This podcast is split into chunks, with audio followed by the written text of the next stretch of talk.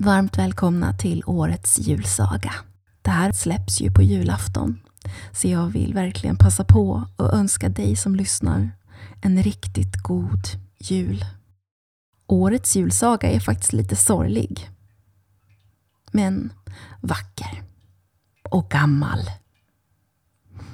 Mycket nöje.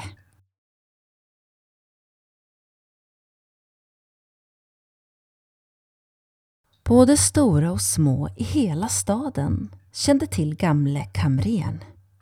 Vilket ej heller var underligt, då han jämt var sig lik både till dräkt och utseende för övrigt.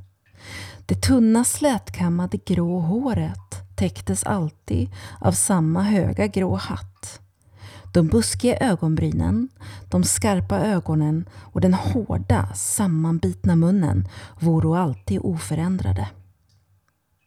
Så länge någon kunde minnas kamren hade han begagnat den blå cirkelkappan med de många kragarna, det rutiga bomullsparaplyet och de grå benkläderna. De stora galoscherna vore under namnet båtarna, kända bland stadens pojkar. Klapp, klapp göder de mot knaggliga stengatorna. Den gamle kamrern såg så rolig ut, tyckte många. Men ingen torde säga det. Ty ungdomen var rädd för gubben, som bister och ensam gick sin väg fram. Varifrån kamrern kommit, vad han i sin ungdom varit, det kände ingen.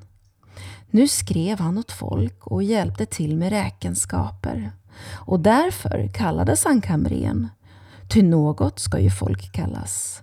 Intet blev väl förtjänsten så stor, men så behövde ej heller kamrern så mycket, där han bodde i sitt vindsrum, dit ingen kom in, om ej någon hade ärende till honom. Kamrern behövde ej heller bjuda främmande. Det är då sant, ty han gick aldrig bort annat än för sitt arbetes skull, den gamle enstöringen. Julaftonen hade kommit och just då börjar vår historia.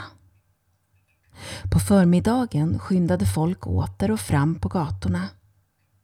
I bodarna var fullt med människor och julklappar inköptes, inslogos och lackades. På torget stod då många julgranar, både stora och små. Att köparna skulle få välja efter tycke och smak och de vackra gröna träden hade god åtgång. På eftermiddagen blev det mera stilla och då kvällen kom var det så tyst ute. Men i fönstren tändes ljus efter ljus både i rikemans ståtliga rum och fattigmans låga käll. Ty julen är en så välsignad tid så att folk delar med sig åt varandra att ingen alldeles ska sakna julglädjen. På gatorna vandrade gamle kamren ensam mot sitt ensliga tysta hem som han gjort det i många, många år. Då och då trängde ljudet av glada röster till hans öron. Skuggor rörde sig livligt fram på gardinerna. Och en och annan vandrare skyndade med brådskande steg förbi honom. Sa han för sig själv, men tyst så att ingen hörde det. Julafton. Han stannade en stund, liksom något särskilt kommit för hans tankar. Julafton. Nu var han hunden till Stora torget. Där stod ännu en liten gosse kvar med en småväxt julgran. Han hade så gärna velat sälja henne, men nu såg det hopplöst ut. Kamren stannade bredvid det lilla julträdet. Mm, vad tar du för granen? frågade han så skyggt, som om han ansett det dumt att göra en sån fråga. Gossen nämnde priset. Det var bara 25 öre. Där har du liten, sa gamle kamren och räckte pojken en krona. Granen tar jag med mig. Han rörde på huvudet. Det skulle föreställa en nickning. Och bort gick han medan pojken, röd över hela ansiktet av glädje, sprang sin väg. Om jag skulle kläda en julgran åt Petterssons flicka, sa kamren för sig själv, lika tyst som förut. Beslutet blev handling. Han gick nu in i flera bodar och köpte småsaker som man plädar hänga i granen. Allt till stor förundran för bodbetjänterna och folket som var inne i butiken. Vad kommer åt gamle kamren? Han hade en gran i hand, sa det. Men kamren varken hörde eller tänkte på vad folket kunde säga. Med fickor och händer fulla kom han hem och då började han kläda julträdet. Det gick långsamt, ty många, många år var det sedan han höll på härmed. Men till sist var det färdigt med ljus och allt. Jag ska tända på ljusen innan jag kallar in flickan. Och gubben tände det ena efter andra av de små vaxljusen. Det blev så strålande ljust att det aldrig förr sett ut så i det lilla rummet. Gubben satte sig och betraktade det lilla trädet. Han knäppte ihop händerna. Åh, så vackert! brast han ut helt högt så att vem som helst hade kunnat höra det ifall det funnits någon inne. Ögonlocken rörde sig så hastigt. I varje ögonvrå glänste en tår. Där kommer flera. De fullo som ett milt, ljumt majregn på de gamla, skrynkliga kinderna.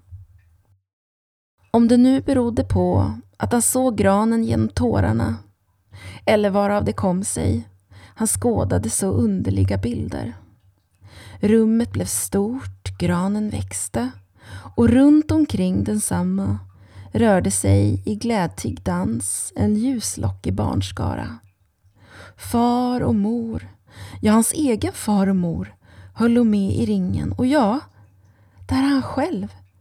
Icke som gamle kamren, nej, som en yster blåögd pilt med rosor på kinderna och de andra barnen, de är ju hans syskon. Allt hastigare falla tårarna. Men de brände ej, så som då man gråter annars.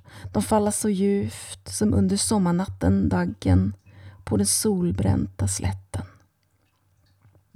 Den gamle kamren törs knappt andas, ty han är rädd att synen ska försvinna. Nu växlar bilderna. De små står bredvid far och mor med knäppta händer.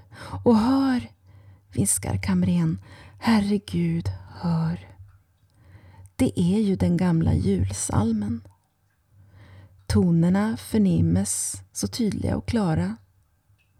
De späda barnarösterna ljuda så friskt i aftonens stillhet. Kamren sjunger med. En jungfru födde ett barn idag. Och så vidare, den vackra salmen igenom. Rösten är svag och darrande, men han hör det ej.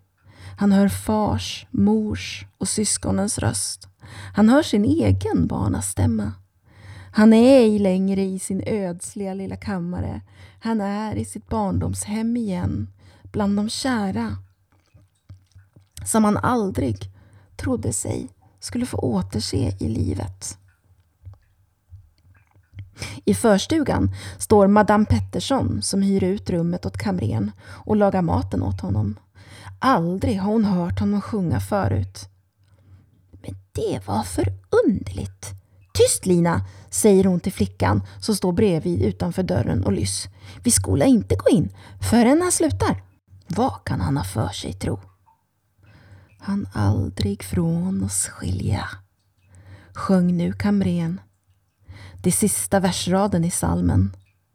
Och så var det slut. Madame Pettersson öppnade dörren. Nessie! utbrast hon och slog samman händerna. Kamren har klätt en julgran åt sig. Men kamren svarade ej. Han satt tillbaka lutad i stolen med händerna hopknäppta och han hade ett så vackert leende på läpparna. Så glad hade Madame Pettersson aldrig sett honom. Kamren! Nej, va? Jag tror han är död. Hon rörde vid hans händer, hans huvud, men han satt som förut. Ja, han var död. Som sagt, men så lycklig hade han aldrig sett ut efter vad Madame Pettersson kunde minnas. Det där var Gamle Kamrerns julafton från boken Tio nya sagor av Albert Segerstedt och Carl Larsson 1883.